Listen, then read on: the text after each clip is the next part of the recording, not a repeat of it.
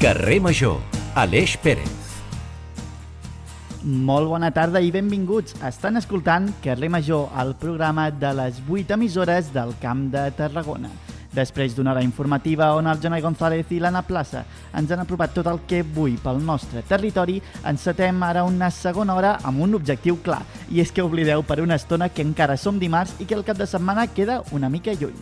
De fet, amb els dies de la setmana em passa una mica com amb l'efecte Mandela. No sé si ho saben, però aquest és com un fals record que té molta gent de certs esdeveniments o detalls que realment no van ser així. El seu nom, de fet, l'efecte Mandela, va sorgir quan diverses persones van assegurar que el ja difunt president de Sud-àfrica va traspassar durant els anys 80 i no el 2013 com va ser realment. De fet, potser alguns de vostès ho han experimentat mai. Si han fixat que el personatge del Monopoly realment no porta monocle, o que Mickey Mouse mai ha portat tirants, aquests són alguns exemples, però n'hi ha molts més. El que potser han experimentat algun que altre, o almenys sap de l'efecte Mandela, segur que és l'Antonio Mellado. Molt bona tarda, com estàs? Bona tarda, Aleix. Doncs, mira, he hagut de buscar uh, l'aspecte que té el Mickey Mouse perquè realment pensava que portava tirants. I no, no, no em porta, eh? És com una, no sé, com una visió que tenim tota la humanitat, no?, de que porta tirants. Doncs no, no, no. Mira, és interessant, això. Uh, doncs a banda d'això, uh, Aleix, uh, molt bé, estem aquí preparats no? per encarar aquesta segona hora de carrer major uh, bastant farcida de, de coses, no? sobretot amb aquest format de magazine que, que li donem en aquesta temporada. Tu què tal, com estàs, Aleix? Doncs molt bé. Mira, eh, no sabia ben bé com, com començar l'hora i dit, ostres, l'efecte Mandela m'ha passat una mica amb les setmanes, saps? De dir, ostres, segurament ja estem a dimecres, estem a dijous, i no, estem realment a dimarts i, i, i mira, també he sigut víctima de l'efecte Mandela, tu. Sí, sí, sí, sí, sí. Uh, I a més, no sé, jo, jo diria que d'això, mira, en podríem parlar dels tonis, eh? Ens acabes de donar ara una, un, una temàtica per algun dia d'aquests, dels tonis, perquè no n'hem parlat encara mai de l'efecte Mandela i de ben segur que hi ha molts altres, molts altres coneixements d'aquests com a globals que ens pensem que són d'una cosa però en veritat són una altra completament diferent.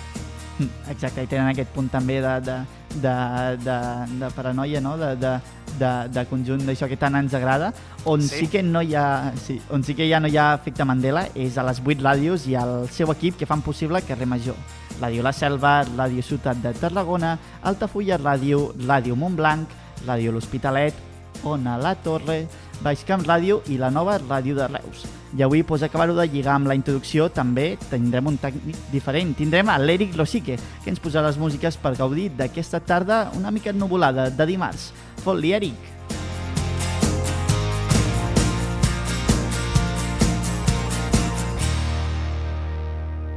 Cada tarda de dilluns a divendres fem parada a Carrer Major.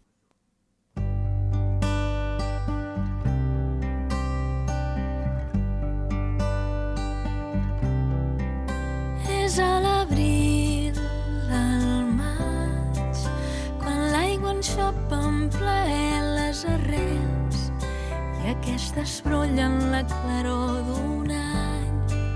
Quan la il·lusió du roca als ulls mentre passeja la llum, despullada i feliç sobre l'asfalt.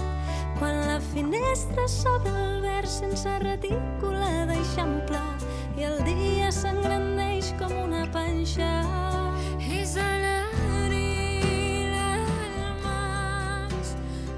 Poques coses ens agraden més a Carrer Major que poder explicar històries i iniciatives de quilòmetre zero, en aquest cas amb el projecte Dones de Paraula, un projecte que va molt més enllà de la música que estan sentint ara mateix, i és que quatre cantants del nostre territori, l'Anna Dibori, la Maria Jacobs, la Nerea Bassar i la Txell Mas, han unit forces en aquest nou grup. I teníem nosaltres per parlar d'aquesta iniciativa l'Anna Dibori. Molt bona tarda i gràcies per venir aquí a Carrer Major.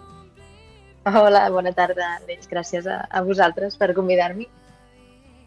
Bé, primer de tot, què, què us porta a fer aquesta agrupació musical, no? Què, què, què, què, us, què us mou? Quin, quin és el nexe en comú?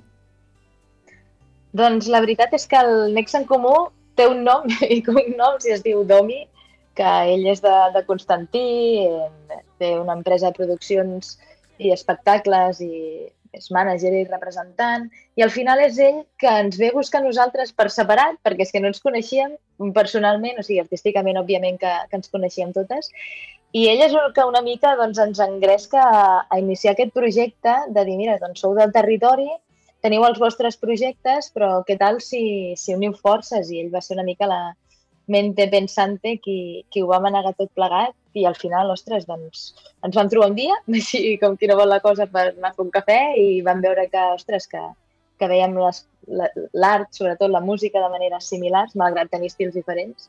I mira tu, doncs ens vam engrescar i al final doncs, ha sortit tota la llum. Bona tarda, Anna. Uh, tu mateixa ara ho comentaves fa un moment, uh, hi ha una diversitat d'estils i de maneres de treballar entre vosaltres, molt eclèctic, molt diferent, però alhora teniu un nexe en comú, no? Com, com definiries una mica tot aquest matxembrat d'estils? Ostres, és que... Apare... Bueno, al principi aparentment era molt difícil, però sí que jo crec que el nexe en comú crec que és la manera de ser una mica, sé que sona molt tòpic i molt bonic, eh? però sí que crec realment que que el nexe en comú és la manera de veure les coses, de, la manera d'implicar-se en el projecte i la manera també de, de fer música, de, al final totes crec que defensem el nostre projecte per separat abans de que aparegués aquest, no?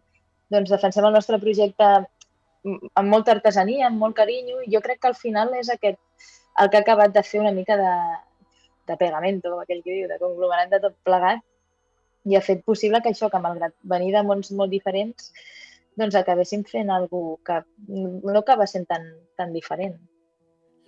Perquè en el teu cas, Anna, per exemple, no? has experimentat també amb diversos treballs, inclús incorporant doncs, formacions poc, poc, poc, doncs, poc usuals, com és d'una orquestra de corda o altres mena de, de, de, de formacions. Com, com ho has encaixat? Creus que això t'ha ajudat a l'hora d'acabar d'empastar doncs, aquesta, aquesta diversitat? Bé, Mm, jo crec que, òbviament, doncs, m'ha ajudat perquè al final ser flexible i tenir perspectives diverses a la vida doncs, sempre és útil no? en qualsevol aspecte. Um, sí que jo personalment, clar, amb, en l'hora d'encarar-me una mica el que era la producció musical, sí que el que intentava era respectar al màxim possible les, les preferències de cada una de, de les noies i, per exemple, elles em van enviar maquetes i sí que una de les noies potser m'enviava ja una proposta com molt més elaborada que potser una altra. Llavors vaig intentar respectar al màxim possible el que, el que em deien. Sí que és veritat que jo crec que totes les meves experiències a la vida en diferents àmbits, doncs, òbviament, m'han donat molts recursos, sobretot doncs, en l'àmbit musical més estricte, no? a l'hora de fer arranjaments, harmonia, tot això per descomptat, però clar, al final és música, és, bueno, tu què toques? El baix, la bateria, el piano, pues, pues ens juntem, o sigui, hacemos un grup, no? Sí, I exacte. al final és això, respecte. Digues, digues, perdona. No, això, perquè volia preguntar, a part de, de respectar això, una mica què, què aporta cadascuna de les, de les cantautores, de les, de les artistes que, que hi ha al grup, una mica també per ubicar-les i, que, i que la gent acabi de... de ah, clar, oi tant, home, oi tant, oi tant. Uh, a veure, per una banda, doncs, eh, hi ha la, la Txell Mas, que ella ha agafat el baix i agafa aquest rol de baixista. Al final nosaltres som quatre noies que tenim quatre projectes, però cada una de nosaltres agafa el seu rol també a nivell instrumentista. Llavors la Txell eh, és baixista, Txell Mas, també aquí al Camp de Tarragona coneguda com Monkey Jane, si l'heu pogut veure, doncs ella en moltes ocasions doncs, el seu estil ve molt del britànic, potser, no? molt, sempre cantat en anglès, no només per l'idioma, eh, sinó també per, bueno, agafar un pop rock molt més de l'àmbit britànic. Llavors també tenim la Nerea Bassart, que ella és de, del Vendrell, que ella agafa la bateria, eh, que també té mil projectes, té el seu trio, que també van venir fa poc a l'Espai Quessa aquí a Tarragona, segurament doncs, també l'heu sentit anomenar. També ella és un punt molt més, una música, ostres, molt més rockera, no? molt més agressiva, entre cometes. Després tenim la, la Maria Jacobs, que ella és de Valls, també s'ha mogut moltíssim, no només pel Camp de Tarragona, sinó que ella doncs, també per, per tot arreu com les altres doncs, s'ha anat movent moltíssim amb el seu projecte i també eh, perquè és, és molt coneguda. I ella, doncs, diguéssim, que agafa guitarres i, i acordió, no? Llavors, bueno, ella veu d'un estil pop total, no? I, i també, doncs, potser un pop molt més innocent, no? Molt més, bueno, molt més urbà, diguéssim. Llavors, clar, doncs si us he fet així un quadre molt ràpid, resumit així, que espero que em puguin perdonar per haver fet, ficat etiquetes així a la improvisada d'aquesta manera, però si veieu, doncs, doncs són, mons, són orígens molt, molt diferents. I al final això, doncs, cadascun agafa el seu instrument i ha estat també la màgia i el bonic, no?, de dir, bueno, mm, tu d'on vens, què fas, no? I això com ha enriquit a les altres, no només a nivell de producció musical, sinó també a l'hora d'interpretar i preparar tot el que és un concert i, i a l'hora com, en, com preparem un directe. Però ara hem parlat de música, però és que el projecte de Dones de Paraula va molt més enllà, és a dir, abar- abarca molts altres àmbits. Anem a parlar de l'àmbit de la poesia. En quin moment vosaltres quatre reunides decidiu incorporar la poesia en aquest projecte? Em, ja, bueno, és una mica el que us comentava, que no va ser tant una decisió que es va prendre a posteriori, sinó que el Domi, aquest, eh, el, el que us comentava de, de Constantí, eh, doncs ell ja venia una mica amb el projecte en ment, no? de, de que ell tenia aquesta idea d'unir diferents arts i de donar veu no només a les dones a nivell d'interpretació musical, sinó de redescobrir una mica el que era la poesia també de dones que veia que, que també estava com en, tant, en tants altres àmbits invisibilitzada. I llavors al final doncs, va ser ell una mica que ens ho va donar mastegat. I nosaltres, doncs, clar, vam tenir tot fet i, òbviament, el, la idea ens va interessar moltíssim. I des d'aquí doncs, va funcionar perfectament. Ui, perdoneu-me que tinc aquí a la Duna. Duna, tinc una coseta aquí que m'està donant. Duna, passa, va. Veiem que és la que de les coses del directe i de, i de, i de, les, i de les videotrucades que fan aparició espontanis, no? Tant de bo tots els espontanis fossin, fossin tan, tan agradables. Sí, no, pobreta, mira que mai fa res, mai diu res, estava aquí, de sobte, mira, doncs, ala, és, és el, No, no del directe, no? Allò que dieu vosaltres. Sí. I això, estaves comentant també això del procés creatiu. Hem, ha sigut bastant senzill i, i, i podríem dir això, quin, quin, quin pes han tingut la poesia. S'ha hagut d'adaptar la música a la, a la, als poemes o potser els poemes han primat sobre la música?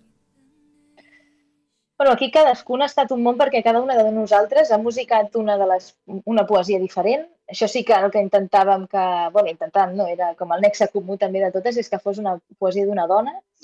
I aquí cadascuna, doncs jo crec que amb el seu estil i la seva capacitat compositiva ha pres una decisió o una altra. En el meu cas, les poesies sempre tenen molta musicalitat per, per si mateixes. Jo vaig escollir una de Mercè Rodoreda per donar a conèixer també aquesta vessant seva, no només en la narrativa, sinó també en la poesia, i intento respectar molt el ritme que em suggereix a mi la poesia. Però sí que, la- clar, la- per les altres, malauradament no puc parlar, no sé com va ser el seu procés compositiu. Això sí que és important per la gent, si no ho sap, que cada una de nosaltres ha musicat això una poesia. Hi ha hagut dues col·laboracions, que en aquest cas han estat de la Lia Sampai eh, i de la Meritxell Jané, elles dues cantautores, que també doncs, van col·laborar posant música a dues poesies més, que són les sis peces, les quatre nostres i les seves dues, que configuren aquest, aquest EP primer de Dones de Paraula. Una mica el que et deia, jo, segons em digui, la poesia, que havia de ser poesia d'una dona, això prevalia per sobre de tot. Ara, la millor manera de fer-ne música, aquí cadascú ja va agafar un camí o un altre. Us vam poder veure fa poc més d'una setmana en el marc del Festival Accents a Botarell en una experiència que per vosaltres va ser molt enriquidora, va tenir molt bona rebuda, però bé, vull que ens ho expliquis tu com va anar, Anna. Ostres, pues, bueno, molts nervis, molts ner- nervis. I mira que totes portem anys i panys a l'escenari, totes hem vist néixer projectes, no només el projecte en si, sinó discos, i la veritat és que, ostres, va ser, va ser bastant, bastant, allò, un pitjor compart, pràcticament, eh? bueno, el fet és que totes portàvem mesos treballant, no només en la, en la gravació del disc, sinó també en la preparació del directe, i clar, al final les quatre tenim vides molt atapeïdes i havíem de fer mans i mànigues buscant espais per poder assajar, que per sort doncs, els vam anar trobant. I sí que, clar, tot, tot projecte que ha portat tanta feina darrere, que potser són les hores que la gent no veu tant, doncs al final vols que surti el millor possible, que la gent vegi que li has posat tot el carinyo i això a l'hora de la veritat es tradueix en presentar-ho davant de gent per primera vegada. A més va ser en un marc immillorable que era el desè aniversari del Festival Accents. Llavors, ostres, doncs, si no hi havia prou pressió, doncs això encara em va suposar una mica més. Però, bueno, com bé deies, ostres, per nosaltres va ser immillorable, per nosaltres va ser un privilegi. Jo personalment m'ho vaig passar molt bé, molt bé, i també és bonic veure, viure la música en altres formacions, no? Que, que no siguin el que és el, un projecte personal que a vegades fins i tot carregues en excés de, de pressió, de, de dubtes, de pors. Llavors, aquest de les dones que desprens de tota, de tota aquesta càrrega, la veritat és que vas a gaudir-ho i malgrat els nervis i malgrat les primeres, allò, el debut, les primeres vegades i els petits errors o, o dubtes que puguin haver, tu acabes passant pipa i vivint la música com el que és, no? Doncs això, un espai de, de compartir i passar-ho bé. Però tot i així, tot i ser un espai de compartir, eh, com has comentat fa un moment, no? cadascú ha tingut el seu propi procés creatiu. No? Això és una mica que també heu respectat una mica els vostres, eh, les vostres maneres de, de crear. No? I això és una mica també el que ha portat eh, aquesta, no, no, aquesta entitat amb aquest projecte. Sí, i la veritat és que al principi jo personalment, espero que no m'escoltin, estava, estava una mica cagada del tot. No, bé, bromes a part, sí que estava bastant espantada perquè, ostres, clar, és això que dius, jo en aquest cas, des del rol de productora musical, és com llibertat absoluta és la que teníem totes i el que també dèiem, tant per part meva com per part de totes. Aquí que cadascú faci el que vulgui, que jo crec que també és el que desprèn aquesta màgia i autenticitat, que, que al final s'ha de ser sincer a l'hora de fer música.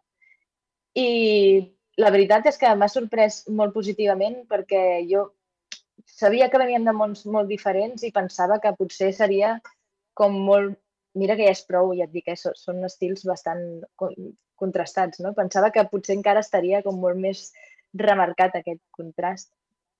Però no, la veritat és que jo també m'espanto en seguida i després, després tot va bé, no sé, són aquestes coses que al final, mira, en aquest cas, doncs ha fins i tot millor de, del previst, però sí que al principi, ostres, com, bueno, carta lliure, això ho respectarem al 1.000% i després pues, ja veurem com va, ja, ja, ja ho manegarem. Sí.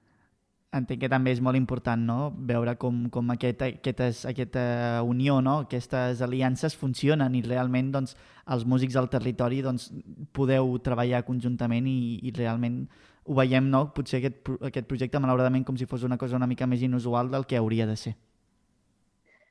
Doncs sí, doncs estic molt d'acord, perquè jo crec que, i això m'ho ha constatat, eh, jo crec que, ostres, el teixit cultural del territori al final si ha de créixer és, és a través d'això, pel que vaig jo almenys experimentant, eh, a través de l'associació, de que malauradament en la música molts anys sí que s'ha viscut, ostres, com una competència, no? una mica, sobretot en el món de la indústria i també en el món de la música clàssica, com que els intèrprets competien per una plaça, eh, no sé quina orquestra o el que fos, no? Quan en el fons jo crec que està més que demostrat, no? I, i ara amb aquest exemple amb les dones, ostres, jo ho veig claríssim, que enriqueix moltíssim i bueno, et fa sentir molt acompanyat, et fa veure que existeixen persones professionals de l'àmbit que tenen les seves eines, que, que et poden ajudar i que tu els pots ajudar, que, que pot, podeu créixer plegats. Jo, sincerament, bueno, tant de bo això signifiqui que gent també s'uneixi per, ja et dic, no només en l'àmbit musical, sinó de, del teatre o de mesclar arts, de, de pintura, de, de l'audiovisual, del que sigui. Tant de bo serveixi com per incentivar això, a crear nexes que al final són el que generen moviment i que generen la cultura.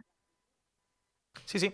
Anna, inundant creences, no? El vostre EP personal aquest eh, que ha sortit fa recentment, eh, el 3 d'octubre va sortir concretament, eh, juntament gairebé amb l'estrena al festival, al festival Accents. I ara què? Eh, què fareu, Anna? Mm, seguireu fent girar doncs... l'EP? Ja teniu alguna altra coseta en ment? Quin és el futur del projecte Dones de Paraula? Doncs la veritat és que jo crec que entre nosaltres estem bastant sorpreses perquè l'únic objectiu era, era fer aquest EP, fer aquesta prova de, bueno, anem a musicar, tenim el context, tenim les eines, tenim el suport, anem a provar. I jo crec que ha tingut molt bona rebuda, tal és així que, bueno, de moment diria que tenim ja tancats cinc concerts, de, en un futur més imminent, i, clar, això ens ha portat a pensar de dir, bueno, pues, no hi ha res parlat, no hi ha res allò sobre la taula, però sí que, òbviament, doncs, si va bé i, les, i podem anar presentant aquest projecte i, la, i la, gent, en la gent té bona rebuda i tot, doncs, bueno, jo espero que signifiqui doncs, seguir amb aquest procés creatiu, no? donant a conèixer més poetesses, potser demanant altres col·laboracions, potser trobant altres nexes també, qui sap, qui sap, està tot, tot obert. eh, totalment obert i, i, i, la, i les dates d'aquestes cinc concerts, no? Has comentat? Els, eh, podrem, sabem alguna, algun lloc o no es pot concretar encara? Us... Mm, Clar, jo sé llocs, perquè si no ho sapigués malament. No sé si es pot concretar. Jo, si voleu, us dic... Hòstia, és que ja m'enganxeu, eh? Jo suposo que Alguna sí que pot exclusiva? Alguna, alguna pista, algun, algun, almenys dates de, de quan anunciareu concerts, per exemple? Sí, doncs el que és l'últim cap de setmana de novembre, 25 i 26, mira, ho deixarem així, si us sembla. Així Mm. crea una mica de- d'expectativa. 25 i 26 tenim concert.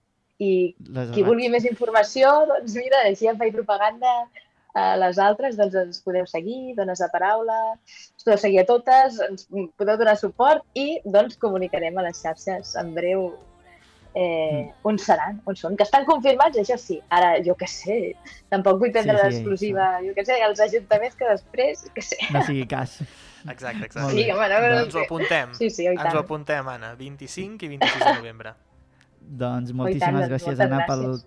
teu temps, per venir a explicar aquí doncs, aquesta iniciativa que, que, que és tan bonica i tan necessària aquí al, al territori. I res, us, us anirem seguint, especialment aquest 25 i 26 de novembre, que ja, ja tenim reservats. Doncs gràcies a vosaltres, home, per fer-vos en ressò i també doncs, donar-vos el, el vostre suport, que sense això doncs, tampoc faríem gran cosa. Gràcies, vagi bé. Gràcies, Molt Anna. bé, doncs que vagi bé. Adéu. canta sense veu serena. Carrer Major, totes les veus del territori. criden fort, com si tot aquest volum veu els donés la raó. Preparats per marcar-nos les tendències noves que es porten enguany. Paga i et donaran tot el que mai És l'hora, ha arribat l'hora de la publicitat, però no desconnectin, i és que el contingut publicitari a vegades diu molt de la societat, inclús de nosaltres mateixos. I per fer-ho, doncs, com no podria ser d'una altra manera, tenim el nostre estimat Xavi Franco, des dels estudis d'Ona de Torre. Molt bona tarda, Xavi. Xavi, em sents? Hola? Molt bona tarda. Com, Ara, ara, com ara. anem tots? Quin patí, ah, molt bé. Moltes Sí, gràcies per sí, sí, venir. jo et sento. Et Sí, veiem perfecte. estupendo, eh, Ah, Xavi? és que hi ha un... Sí, sí. Sí, hi ha hagut una mica d'això, doncs És que hi ha, hi ha, hi ha una, un retorn, hi ha un retorn. hi ha un petit retorn, no? Bueno, doncs Petit intentarem... problema tècnic. Sí. Sí. Però bé, mira, no? jo t'explico, jo Sí. et tiro i tu i tu tires endavant, Xavi. Avui parlem d'una marca que, que està estretament relacionada també amb, amb la teva vida, no? Que és Sí, Fagor. vale, Com- vale, perfecte. Sí. Com, com hi vas fer cap a, a Fagor, Xavi? Sí.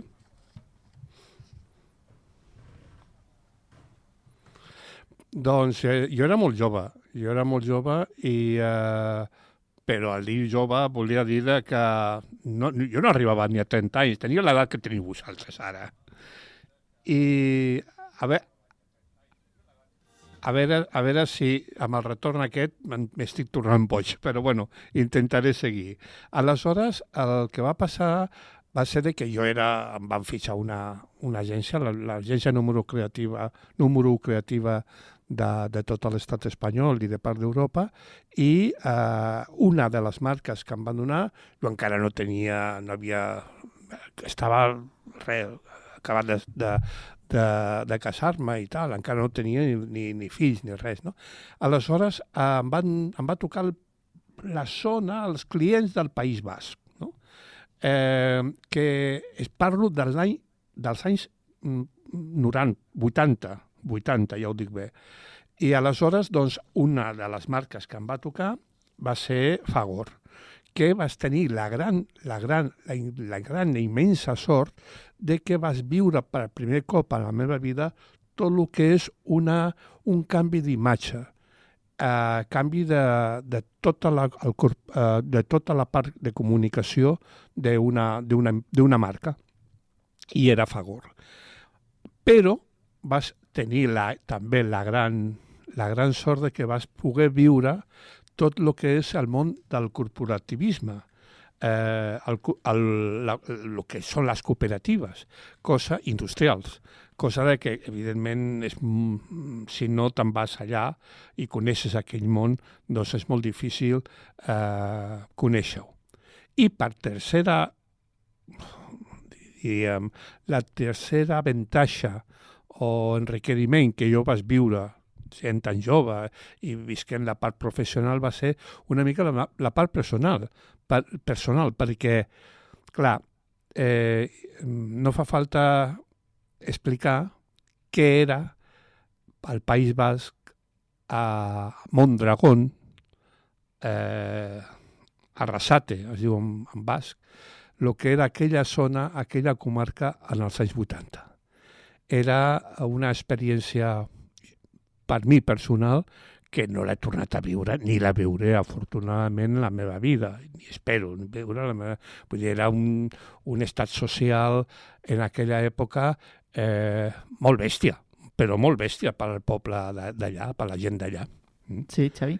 Eh, a veure si ara em sents bé. Eh, Ara sento, ara, ara, ara, no hi ha retorn, ara sento bé, perfecte. Genial, Perfecte, perfecte. Em, em sembla genial perquè així també podem comentar doncs, l'espot número 1 no? que, que ens havies dit que, Eh? que volies comentar. A veure, escoltem-lo.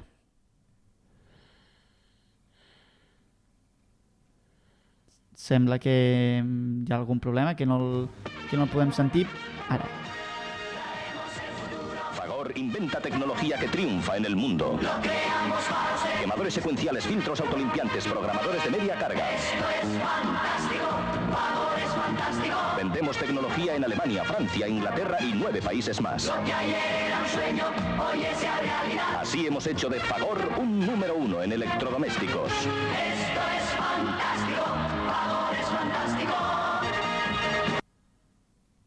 Doncs ho acabem de sentir. Favor és fantàstic, no, Xavi? Sí, eh, eh, eh, aquest és l'esport que nosaltres le dèiem corporatiu, eh, perquè era el que... No sé què passa ara. Estem Això no és sentint- meu. Ara. No?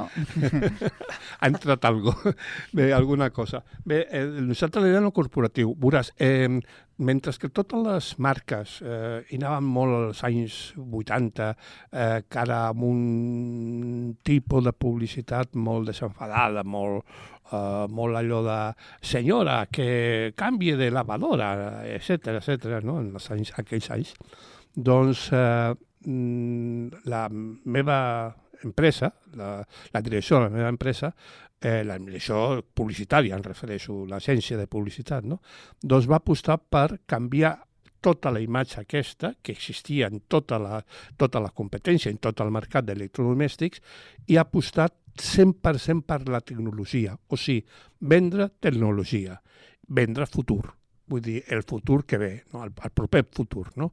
que era la tecnologia, eh, eh, era la investigació, la recerca, eh, per aconseguir la, la tecnologia. I és la veritat, perquè allà, en Mondragón, en el, el lloc de, de la cooperativa aquesta que es deia Ulgor, eh, eh, la cooperativa es diu Ulgor, que Ulgor era les inicials dels quatre o cinc, cinc dels cinc eh, mm, joves que van crear l'empresa, l'empresa eh, Fagor, no? perquè la marca era Fagor. No? Eh, aleshores, eh, dins d'aquest que era una zona, el 75% de, de, la, de, de Mondragón en aquella època vivia de la indústria, vivia d'aquesta empresa. No? Aleshores, en, a, havia una, colo, una, una petita muntanya eh, que a dalt de tot existia un centre d'investigació i, un, i me recordo que també hi havia un, un restaurant interior, no?, per, perquè portàvem una, una, uns empleats, una, una família, un, una parella, no?, per als eh, provadors o per a la gent convidada, etc. No? I era un centre d'investigació, vull dir, i a baix estava la fàbrica, però amb aquesta eh, colònia, amb aquesta, amb aquesta muntanyeta, doncs existia un centre d'investigació impression- impressionant.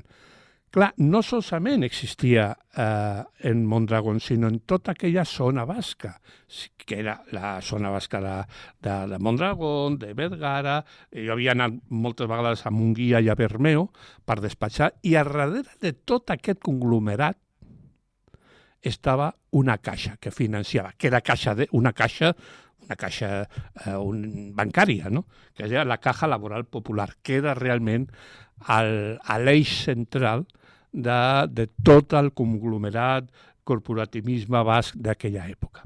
Llavors nosaltres vam treballar sobre aquesta canvi d'imatge total amb, aquest, amb aquesta campanya, que va durar 10, 10 anys, però que es van unir una sèrie de, de característiques. Jo diria que dos, tres. Primer, l'equip professional que hi havia dins de, de Fagor, eh, el, des del punt de vista màrqueting, que va ser els que van apostar per canviar totalment la, la imatge. Després, l'agència que estava jo, que era MMLB, el gran creatiu Joaquín Lorente, que era el que portava tota les... ha sigut un dels creatius més importants del segle, de final del segle XX de, de tot l'estat espanyol i tota Europa, que va portar tota la, mm, eh, la direcció creativa. No? Eh, e- érem un equip molt bo i molt jove. Eh? Eh, després tots els creatius companys meus, Alberto Descalz, etc. I de, des del punt de vista extern també has de recordar de, que hi havia allà la veu que hem sentit amb aquest spot de televisió, aquesta veu, la música era dels germans Moraleda, però la veu és que era del Constantino Romero, del gran Tino Romero, de l'inigualable Tino Romero, no? Un gran, I aleshores va, gran. es va unir una, una sèrie de, de circumstàncies que van aconseguir de que aquesta campanya, per aquests tres motius que deia al començament, per mi ha significat moltíssim. També tenim, Xavi, un altre tall no? d'una Ah. altra, altra campanya, eh, en Mhm. aquest cas de frigorífics. Si et sembla, l'escoltem i anem Sí. a parlar també una miqueta. Sí. Frigoríficos Fagor con dos motores que llegan a 30 bajo cero. Con cinco niveles de frío distintos para cada tipo de alimentos. Esto es fantástico. Fagor es fantástico. Para conservarlos durante meses con todo su sabor y vitaminas. Lo que ayer era un sueño, hoy es ya realidad. Los fantásticos diseños Fagor, un número uno también en frigoríficos. Esto es fantástico. Fagor es fantástico. Mirem que és la família... eh? Que bé que que bé Sí. que ens ho venien, eh? Sí, sí. El que passa que mirem que no parlava de, de, de que la seva, aquesta màquina deixa la, la roba més, més rent. No, no. Parlaven de tecnologia, total i absolutament. Tecnologia, tecnologia. Era la primera vegada que es parlava per un electrodomèstic de tecnologia. Veiem de que la, la música del Moraleda, era, la de fons, era la mateixa que hem sentit en l'anterior anunci, i en aquest cas era electrodomèstic de, de frigorífics, però n'hi havia de cuines, n'hi havia de, de petit electrodomèstic, d'aspiradors, spots, em refereixo, no? Sempre dins de la mateixa família, la qual cosa hi havia una, una llaçó, una, una unió, un total entre tot el, el concepte de la marca Fagor, no? I en la música la mateixa i la veu repeteixo una vegada més, perquè a més a més eh, és una persona que jo vaig admirar moltíssim, professionalment i personalment, el Tino Romero. No? Sí, doncs que, que és un plaer escoltar-te, Xavi, de totes aquestes històries i més si les pots entroncar també en la teva vida i en les teves vivències i, a, i en aquella època on, on, on realment vas anar a menjar-te el món, no? Moltíssimes gràcies. Xavi. Bueno, Bueno. em menjaven a mi, pràcticament. és part del procés, no? Jo crec que al final... Eh, moltíssimes gràcies, Xavi, pel teu temps i per venir a explicar doncs, aquí tota, tota, tota aquesta història de la publicitat. Moltes gràcies a vosaltres. Gràcies, Xavi. Carrer Major, el programa degà de les emissores del Camp de Tarragona.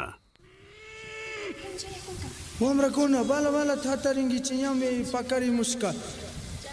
Animal kona wotka wotka michina muringichi. Apurangichi. És moment ara d'agafar la màquina del temps per viatjar a l'any 2030, on ens esperen els objectius de desenvolupament, desenvolupament sostenible, uns objectius que va marcar ja fa temps, l'any 2015, a l'Organització de les Nacions Unides. I des de Carrer Major doncs, també volem comprovar de primera mà si s'implementen tots aquests objectius al territori. Avui parlarem de l'ODC número 6, dedicat a l'aigua neta i, la, i de qualitat, i el número 10 també, la reducció de desigualtats. Tenim amb nosaltres el Jaume Formosa, membre del GPEC, organització coorganitzadora de l'Indie Fest, el Festival de Cinema Indígena. Molt bona tarda, com està, Jaume? Molt bona tarda, molt bé. Bé, eh, aquest és un festival que arriba ja a la setzena edició. Podríem dir que està sentat i quin paper hi té el JPEG dintre de, de, de l'Indie Fest?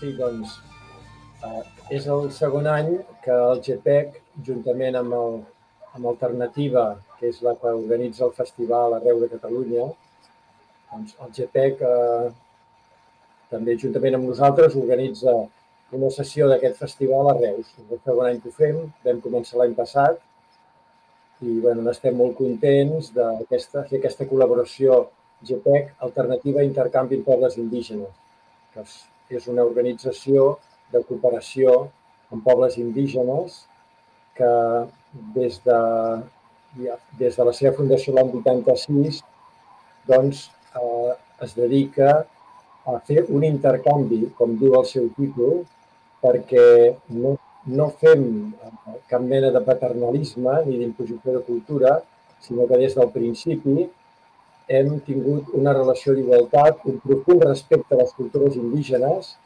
i això una mica és la nostra eh, manera, ha sigut sempre d'actuar. Aleshores, en aquest festival donem veu als pobles indígenes de que ens exposin les seves maneres de viure i les seves maneres de com defensen també el territori, perquè la seva, les agressions que pateixen ells són les mateixes que patim nosaltres, només amb molta més intensitat. Per això també eh, eh, estem molt contents de fer conjuntament amb el GPEC, que és l'entitat del Camp de Tarragona, que defensa doncs, des de fa molts anys també el, el nostre territori. Perquè, Jaume, eh, tu ara ho comentaves, no? és important fer un acostament divers i plural a la població indígena, una població indígena que malauradament potser en algunes ocasions està estereotipada, no? vista des d'una altra perspectiva. És així? Sí, sí, sí. Eh, les poblacions indígenes, doncs, eh, cada vegada pel fet de la globalització també i pel fet bueno, de tota la intromissió que han tingut fa 500 anys a la nostra cultura, doncs tenen unes maneres de fer que cada vegada s'acosten més també a les nostres. Aleshores, tenen el seu llenguatge i la seva cultura pròpia, que la defensen malgrat tots els intents d'anar eliminant aquests pobles i aquestes cultures, però bueno, podem eh, establir una bona col·laboració perquè avui en dia, doncs, eh, ja dic, el tipus de lluita, el tipus de defensa, el tipus de missatges, cada vegada eh, ens apropen més a la nostra cultura, a la seva. I és important, dia... no? També la... Sí, perdoni, eh, també és important la, trobar la transversalitat no? I, la, i la diversitat i els, i els, i els directors no? I, els, i, i, gent de, i gent vinculada al món audiovisual que també aposti per aquesta mena de continguts. Exactament. Ja fa uns anys doncs, han pogut tenir accés doncs, a, a, les, a totes les noves tecnologies i això, en certa manera, els ha fet molt forts perquè els ha pogut connectar entre ells i organitzar grans mobilitzacions, presentar-se a les Nacions Unides eh, conjuntament i doncs, en tota la part que és el, món de l'audiovisual, doncs sí, s'ha empoderat molt tenen escoles de formació audiovisual, eh, fa molts anys que ja estan fent producció de pel·lícules indígenes. Aleshores, eh, aquest festival, bueno, tinc que dir que també aquest festival l'organitza a Catalunya Alternativa juntament amb la CLACPI, que és la coordinadora llatinoamericana de cinema i comunicació dels pobles indígenes. Aquesta coordinadora es dedica molt a doncs, a defensar el dret a la veu pròpia d'aquests pobles i cada tres anys organitza un festival internacional a Llatinoamèrica. Llavors, eh, nosaltres el que fem en aquest festival, juntament amb la CLACTI, és portar pel·lícules fetes directament per comunitats indígenes, per pobles indígenes, que siguin la seva veu. No són pel·lícules amb prou perfecció tècnica com podrien ser fetes per directors més professionals, però bueno, cada dia s'hi van acostant més i estan adquirint més, estan fent-ho de manera molt millor també tècnicament. Però l'important és el missatge, no? l'important és el, el que ens parlen, el que ens diuen, les seves maneres de viure, les seves maneres de defensar-se davant de, de, de les agressions ambientals. Eh, per exemple, el missatge importantíssim també de cara a les seves maneres de fer, que nosaltres hauríem de rebre, és que ells veuen la natura com bueno, es consideren i se senten molt més que nosaltres a part de la natura. Aleshores, ells de cara a la natura ho veuen com com eh, que tenen que la utilitzen, la usen per cobrir les seves necessitats, no per fer negocis, no per fer especulacions ni res. I aleshores tenen una actitud que hem d'aprendre nosaltres i hem d'adoptar una actitud no consumista, perquè estem consumint amb excés i és de les causes que eh, fem que després hi hagi el canvi climàtic, no? aquest excés de consum. Podem esperar dels poders fàctics i podem eh, actuar perquè deixin les seves agressions, però mentre hi hagi un públic potencial immens que vol cada dia consumir més, doncs aniran produint. Llavors tenim a les nostres mans un gran poder i aquest poder ens el mostren de, de, de disminuir el consum, de decréixer. Sí. I aquesta manera de fer la tenen la majoria de pobles indígenes i la conserven encara. I per això I- poden, poden anar sobrevisquent. No? Sí, Jaume, jo li volia preguntar també per la reacció de la gent de Reus, per la gent que té l'oportunitat d'apropar-se a l'Indifes. No sé com va anar l'any passat i també entenc que ha sigut doncs, una reacció prou bona perquè aquest any es repeteixi. Sí, sí, l'any passat van, van venir al festival més de 50 persones i, bueno, va ser molt positiva, va ser molt positiva, vam contactar amb persones de Reus, persones de diferents associacions i sempre en aquests festivals, eh, per nosaltres és molt important eh, no només portar pel·lícules, sinó convidar persones del món indígena a que que les pel·lícules doncs, fan un, un plantejament i un diàleg amb el públic. No? I això és molt important.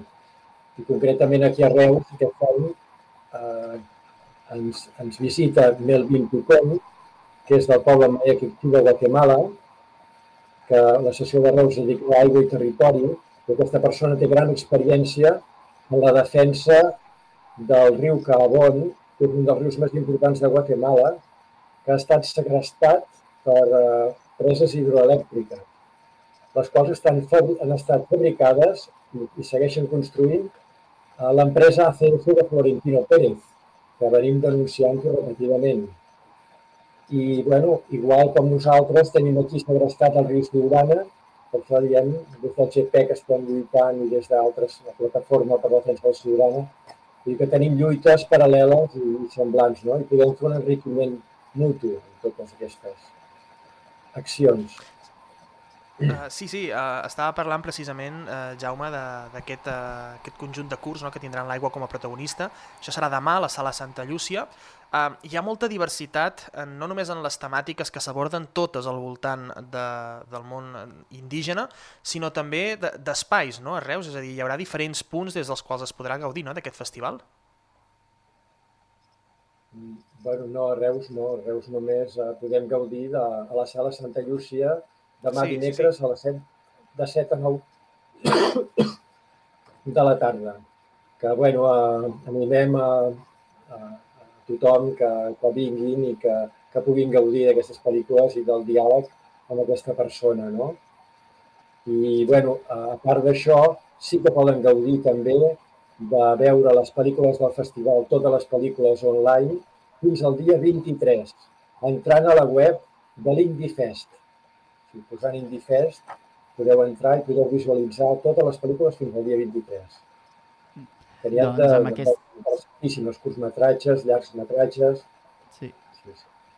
Doncs amb aquesta informació ens quedem. Moltíssimes gràcies pel seu temps, Jaume Formosa, membre del GPEC, i també per explicar doncs, tota, tota aquesta història del, de l'Indifest, que realment és molt interessant. Moltes gràcies pel seu temps. Moltíssimes gràcies a vosaltres. Vagi bé.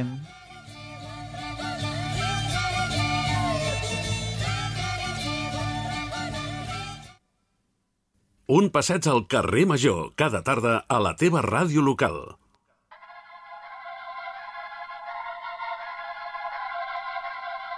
No. It's your blood on my hands. Uau, déu nhi la musiqueta que ens ha posat el David Fernández com a banda sonora del dia d'avui, d'aquest dimarts 17 d'octubre. Què et sembla, Mare meva. Antonio? Com el veus? mare meva, eh? Qualsevol s'anima amb això. I a més aquests els conec, eh? Avui sí, avui sí, Sí. qui són aquests. Sí, sí, jo sí. no els conec, o sigui que demanaré, sisplau, al David Fernández que m'expliqui què està passant aquí a carrer Major, per favor. Posa una mica d'ordre, David. Hola Aleix, hola Antonio, molt bona tarda. Avui escoltem una formació de metal melòdic que porten molts anys de trajectòria musical a les seves esquenes. Ells es diuen Anchor, van néixer als Pallaresos fa més de 20 anys i han editat diversos treballs discogràfics. Una formació que s'hi van posar molt joves a fer música i que ara s'han convertit en un referent dintre del seu gènere, no només a casa nostra, sinó a nivell europeu. Ara fa pocs dies, el dia 13, van editar un EP amb quatre cançons, algunes ja les havien publicat, i una d'elles és aquesta que estem escoltant, que es diu Dark Beat. Una banda que, per cert, ara fa uns dies ha anunciat una gira europea que entre el 26 d'octubre i l'11 de novembre els durà per diversos països europeus, com per exemple Alemanya, Àustria, Itàlia, França o Anglaterra, ja que acabaran el dia 11 de novembre amb un concert a Londres. Avui, doncs, us hem volgut descobrir la música d'aquesta gent, dels Anchor, una banda que, si us agrada, podeu descobrir la seva música i els seus diversos treballs en totes, Totes les plataformes digitals. digitals. Avui, doncs, Avui, doncs, els els Anchor Anchor és la banda sonora del carrer Major.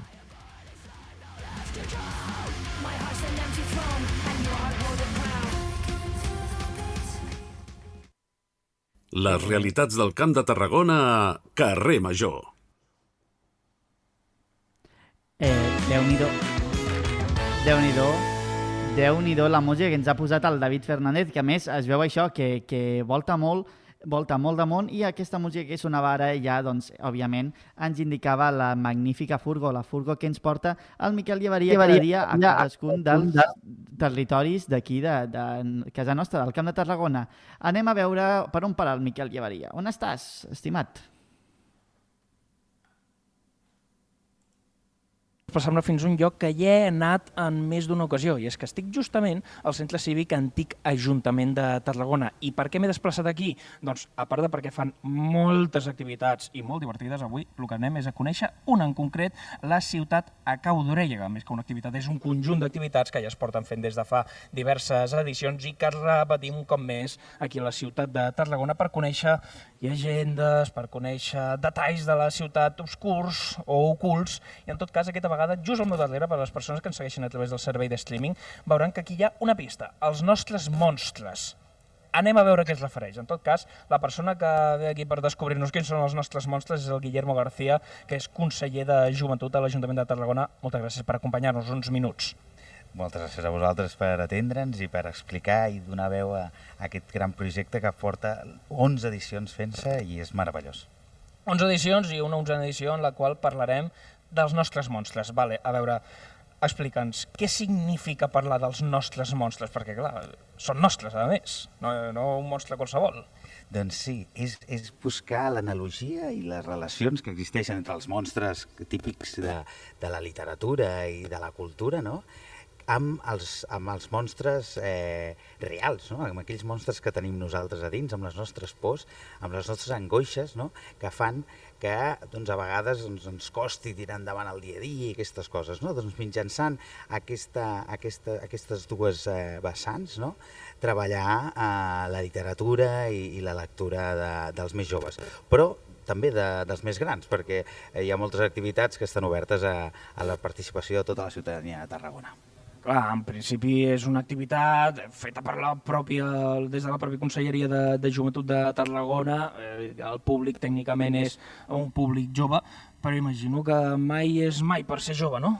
Exacte, l'esperit jove el comparteix. Ara ho parlàvem amb la, amb la Dolors Sommell, la directora de, de la Biblioteca Pública de Tarragona, que deia que, que és eh, sorprenent com hi ha gent de 80 anys que participa d'aquestes activitats no? i comparteix amb els més joves i les més joves doncs, a les seves angoixes, a les seves experiències amb aquells monstres de la literatura que coneixen des de, des de, des de petits o eh, amb aquelles relacions amb, el, amb els monstres que ha creat eh, el folclori de, de casa nostra, no? la cultura catalana, que també posa en valor aquest cicle.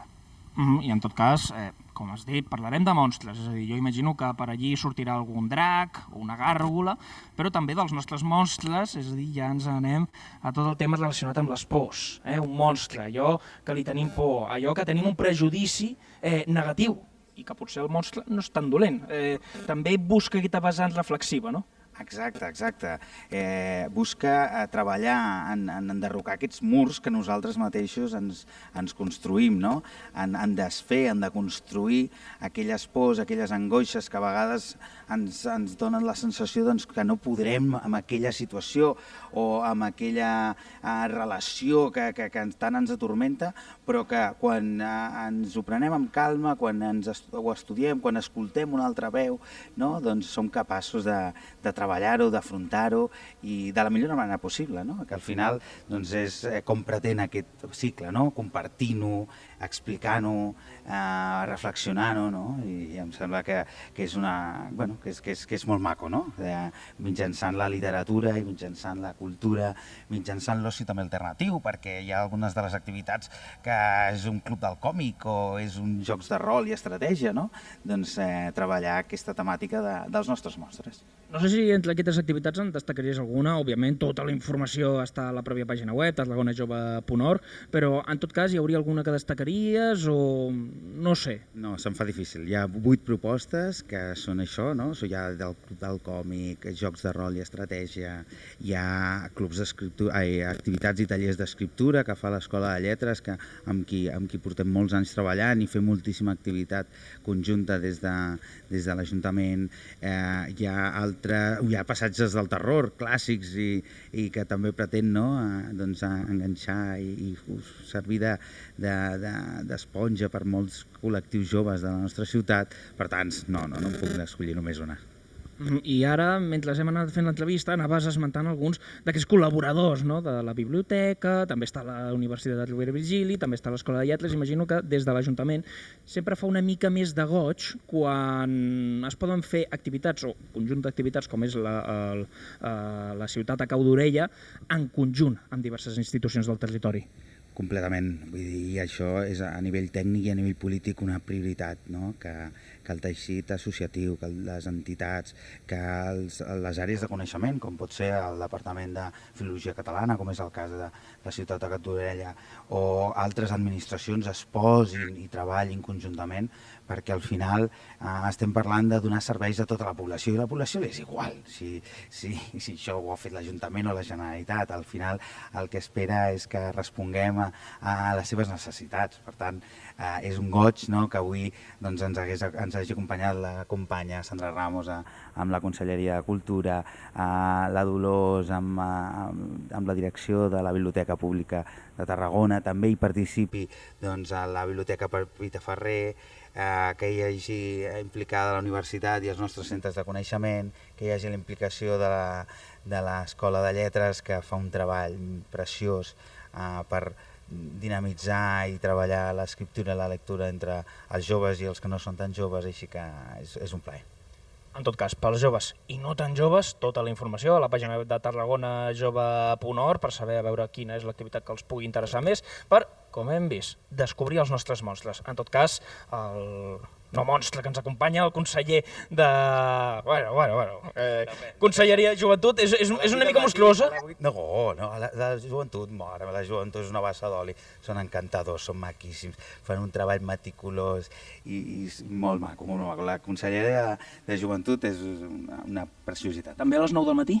També, també, també, també. Sempre tenen un somriure, tu, no sé com s'ho fan jo sí que no m'ho faig, eh? Jo, la veritat, a les 9 del matí sóc tot un monstre i els dels companys de la redacció ja ho saben. En tot cas, Guillermo García, conseller de Joventut de l'Ajuntament de Tarragona. Moltes gràcies per haver-nos acompanyat uns minutets a Casa Major. Moltes, Moltes gràcies, gràcies a, a, a tu, Miquel Llavaria, i res, acomiadem per demà ja. Vagi bé, Antoni Mellado, també.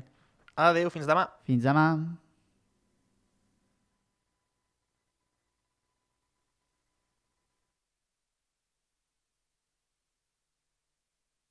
Echan de menos tus manos. Mis manos echan de menos tu piel. Mis manos echan de menos tu pelo y tu cuello. Y mi dolor echa de menos que me seas infiel te echan de menos el café, y la sartén, el perfume, y las sales de baño. Mi espejo no te veía llorar del 1 al 100 los centímetros de ti que se quitaban los paños. Creo que desde hace unos meses ya no te recuerdo, ya no te me apareces. Por eso me gustaría verte para saber qué se siente cuando no estás.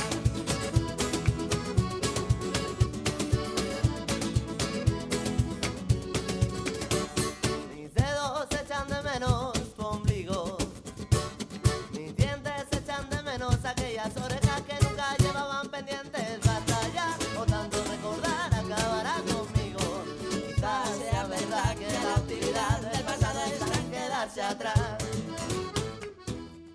luna en una taza de café rebotaba en tus ojos color miel. Te pedí que fueras mi mujer, aunque con anillos de cordel. He decidido arrancarme la piel, te la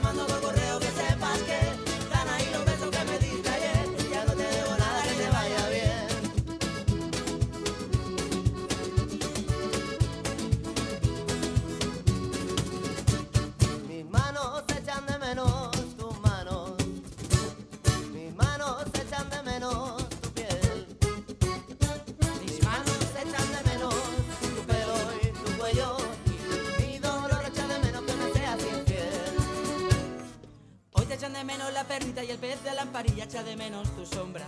La alfombrilla del pez te añora, pero no sé si tanto como extraña tu espalda la alfombra. Creo que desde hace unos meses ya no te recuerdo,